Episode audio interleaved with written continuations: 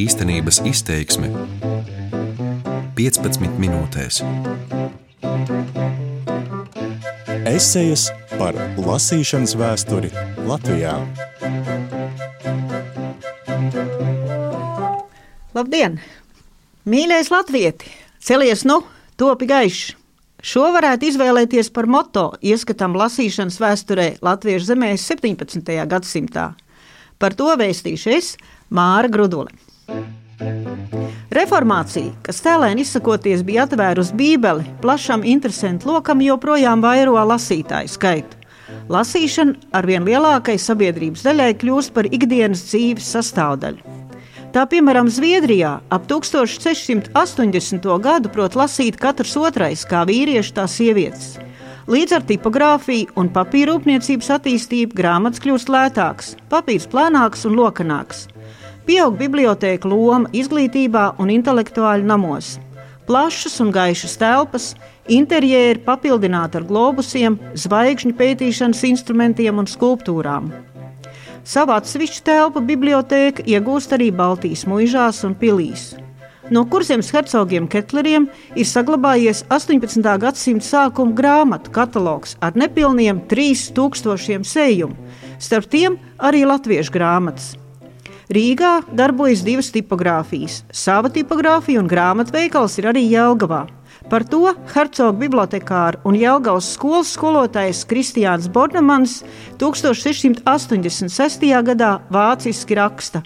Te valža bisenieka atzījums. Driksas krastā atrodas arī galma drukātava, mākslas, dailes, gudrības, dārgumiem tur gala nava. Lai ar darbošanās grūta, prāta augļi plūst un plūst, tos uz svešām zemēm sūta, kur tie jaunu dzīvi gūst. Skaistā grāmatnīcā var sagādāt tik viens sev prieku, gudrība tur viņu skar, smeļ no tās viņš pilnu sieku. Tipogrāfija un grāmatveikals līdzās skolai, baznīcai un aptiekai kļūst par klasisku urbānās vides sastāvdaļu. Līdz ar geogrāfiskiem atklājumiem un tirsniecības sakaru pieaugumu lasītājos kāri pieaug arī pēc informācijas.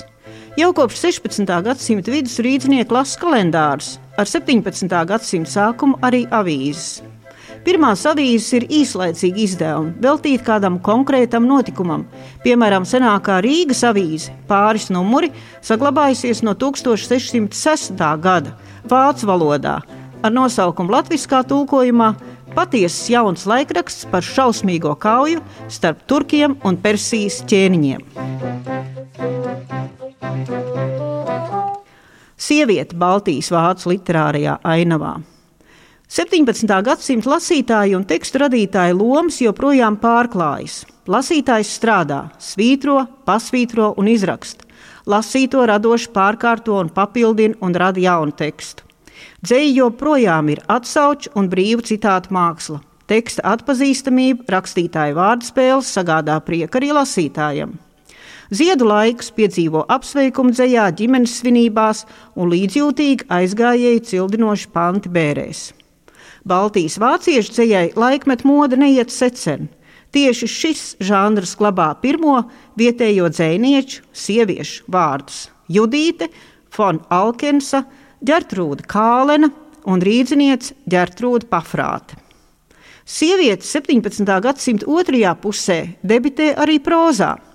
Bībeles lasīšana un garīgs pārdoms rada tā saucamo celsmes literatūru, un vācu sabiedrībā ienāk jauns apzīmējums - lēzelust, jeb lasīšanas prieks. Garīgi saturi, jeb celsmes grāmatas publicē kurzemniece Anna von Meduma un suntažniece Katarīna Gilenšērna. Viņas krājums vācu valodā - garīgs, dziedinošs plāksteris un dvēseles zāles – nāk klajā 1677. gadā. Starp citu, Gilenšērna pati ir divreiz precējusies un laidusi pasaulē 14 bērnus.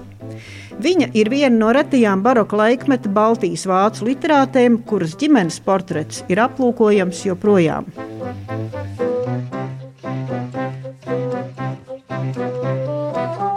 Un nu par latviešu valodu kā lasīšanas valodu. 17. gadsimtā mācītāji, vairumā gadījumu vāciešu, dievvvārdi latviešu draugai kļūst par iknedēļas pienākumu. Bez latviešu valodas zināšanām saruna ar draugu nav iespējama, ar sliktām zināšanām tā ir apgrūtinoša.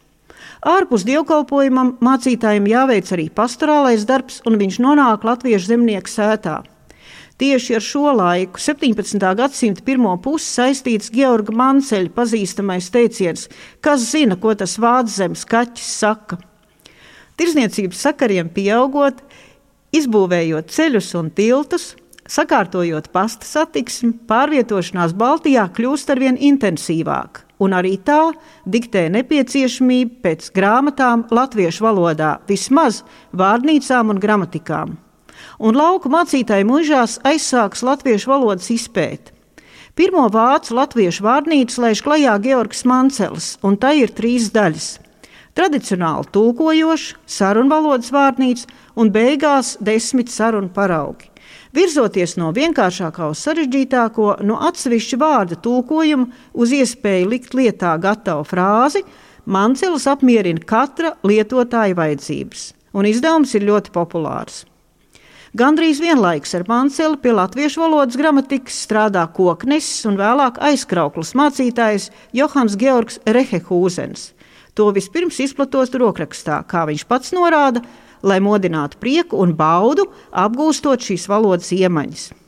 Arī Rehehūzens gramatikai pievieno nelielu frazioloģijas daļu latviešu un vācu valodā, tāpat kā Mancels to sākot ar ceļojumu tēmu un tā ir situācija, kurā šāda grāmata acīm redzot visvairāk nepieciešama. Meklējot nakts mājas vai vienkārši maltīti, vācietis ir ienācis latviešu sētā. Ja ne pateikt, tad vismaz ir iespējas izlasīt nepieciešamās frāzes un tikt ar situāciju galā. Kā raksta Rehehūzens, kad maltīti paēdis un kādu stopiņu alus izdzēris, iejūdz un brauc atkal tālāk. Ar Rehehūzenu un Mancela maisam gals ir vaļā. Ir vārnīca un gramatika, kur papildināt un uzlabot. Kam vien asas prāts un dzirdīgs ausis, tas lasa un pēta, papildina un labo. Nekad iepriekš latviešu gramatika nav tikusi fiksēta rakstu formā. Priekšstats par visai sarežģīto deklināciju sistēmu un darbības vārdu locīšanas bagātīgajām iespējām ir jārada no mutvārdiem. Pa mācītāju mūžām klejo manuskripti un vēstules, jau publicētām grāmatām seko jauni izdevumi, gramatiski precīzāki, izteiksmē pilnīgāki. Un viņus visus vada viens un tas pats mērķis, kā raksta Georgs Dresels savas gramatikas ievadā, vienkārši būt gatavam palīdzēt maniem novadniekiem un ārzemniekiem, kā arī daļēji neapmācītajiem, kas ir apmetušies mūsu mīļajā Rīgā un Livonijā sava darba un citu darījumu dēļ, un kuriem nepārtraukti ir darīšana ar latviešiem.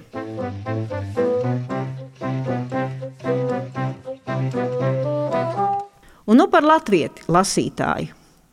Mīļais latvieti, celies nu, topi gaišs! Ar šiem glika vārdiem Bībeles jaunās derības priekšvārdā varētu raksturot visu gadsimtu lasīšanas vēsturē. Zviedru laiks gadsimta pirmajā pusē iezīmē pakāpenisku latviešu grāmatu pārvirzi no vācu rokām pie latviešu lasītāju. 1631. gadā viens no Manceļa baznīcas rokas grāmatas ievadiem jau ir latviešu valodā. Kā Mancelis saka, ik katram dieva bijātājam cilvēkam, kas šo grāmatu lasa. Vai no savu bērnu, kas lasīt māk, var likties priekšā lasīties. Tomēr jau gandrīz vienlaiks ar Manceli, kas tobrīd ir iesaistīts Zviedru jaunizveidotajā izglītības sistēmā Tērbatā, tagadējā Tartū, no kurzemes hercogists skan arī citādas balss. Dažs Baltijas vācietis iestājas pret latviešu skološanu, jo, citēji, ja latviešu bērni turētos pie skolām un apgūtu lasīt un rakstīt prasmi, tas viņus padarītu pārāk gudrus un pārlieku lepnus. Vēl vairāk mācītājs Pauls Enhorns norāda, ka latviešiem skolas nevajag.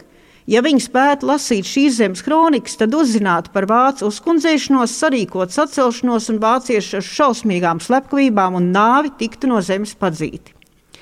Šīs abas balsis par un pret latviešu skološanos, bailēs no varas grožu zaudēšanas, sekos viena otrai uz pēdām vēl gandrīz visa 19. gadsimta garumā. Tā 1852. gadā, un tas ir mazu sprīdi pirms jaunatviešu kustības sākuma, Baltijas vācieši spriedīs, ka, piemēram, latviešu meitenēm, kas prot lasīt, vajadzētu aizliegt precēties, bet prasme rakstīt latviešiem varbūt vispār nav vajadzīga. Tomēr 17. gadsimta zviedru izglītības politika nosaka, ka ikvienam pilsonim jāprot lasīt, rakstīt un jāzina katehisms un 17. gadsimtu var saukt arī par latviešu katehismu gadsimtu. Tas simtgadu laikā izdodas 23 reizes, tā skaitā gadsimta pēdējās desmitgadēs kopā ar latviešu ābeci. 17. gadsimta beigās vidzemē darbojas 68 draugu skolas un 9 mūža skolas. Rīgas rāta nosaka, ka visiem bērniem jāprot lasīt, rakstīt un jāzina katehisms. Tos, kas neprot lasīt, aizliegts pieņemt amatos. Gadsimta beigās Rīgā latviešu skolu skaits tuvojas desmitam. Kurzemē un Latgalē šādas vienotas izglītības politikas nav. Tomēr par latviešu lasītāju skaita pieaugumu kurzemē netieši liecina pirmā par latviešu saziedotiem līdzekļiem publicētā dziesmu grāmata, īpaši mežmojušas un kukuru draudzes vajadzībām 1711. gadā. No tās šodienas ar citu saglabājies tikai viens eksemplārs. Līdz 1702. gadam latvieši izpērk 850 glika Bībeles tulkojuma pirmie spiedumi. Tomēr labi iesāktais latviešu izglītības darbs karlaikā pārtrūkst. Gan negribētos ticēt, ka Zviedru ieguldījums latviešu izglītības centienos būtu palicis bez sekām. Kaut arī nav zināma konkrēti latvieši, kas lika Bībeli pirkuši, ir skaidrs, ka vēl 1819. gadā tā ir bijusi kādas sesavas zemnieces īpašumā, kas to nesautīgi uzdāvinājusi tikko Baltijas vāciešu dibinātajam Kurzemes provinces muzejam. Savukārt 1730. gados cēsu mācītājs Pauls Mejs savā latviešu katehismā ir ierakstījis parādniekus, kas nav samaksājuši par grāmatu iesiešanu. Starp tiem lielākajai daļai ir latviešu vārdi - cekulītis, stūks, medne, lauris cēlis, mūžas puisis jēkabs un tam līdzīgi. No Bībeles otrā 1739. gada izdevuma latviešu lietot eksemplāri jau ir saglabājušies kuplākā skaitā. Un tā, starp citu, ir pirmā latviešu grāmata, kurā dot norādījumu, kā būtu jālasa. Ar apdomāšanu, jo, es citēju, dažs lasa par garu laiku vien, jeb ar lepnīgu sirdi, un tāpēc vien uz lasīšanu dodas, ka viņš var priekš citiem cilvēkiem rādīties un lielīties, kāds lasītājs un liels grāmatnieks viņš esot. Daži cilvēki tās stāstīšanas vien lasa, To vien labprāt gribēdam zināt, kādi tie cilvēki vecos laikos bijuši, kādā zemē un kādā vīzē tie ir dzīvojuši, cik veci viņi palikuši, kādi ķēniņi valdījuši un kādus karus tie ir turējuši un kurš otru ir uzvarējis. Bet nē, īstā lasīšana ir lūkšana un apdomāšana, kā viena redele, jeb trepes, ar ko mēs savā sirdī uz dievu uzkāpjam. Atgādina šo rindu autors mācītājs Blaufūs. Tādējādi šie 1739. gada latviešu bībeles ceļvārdi ir pirmais teksts latviešu valodā, kas vedina pārdomāt lasīto. Ir izaudzis latvietis, ar kuru ir vērts to pārunāt.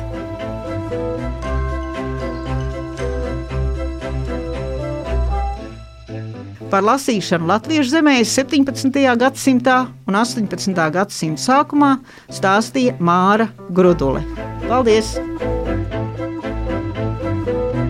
Īstenības izteiksme 15 minūtēs.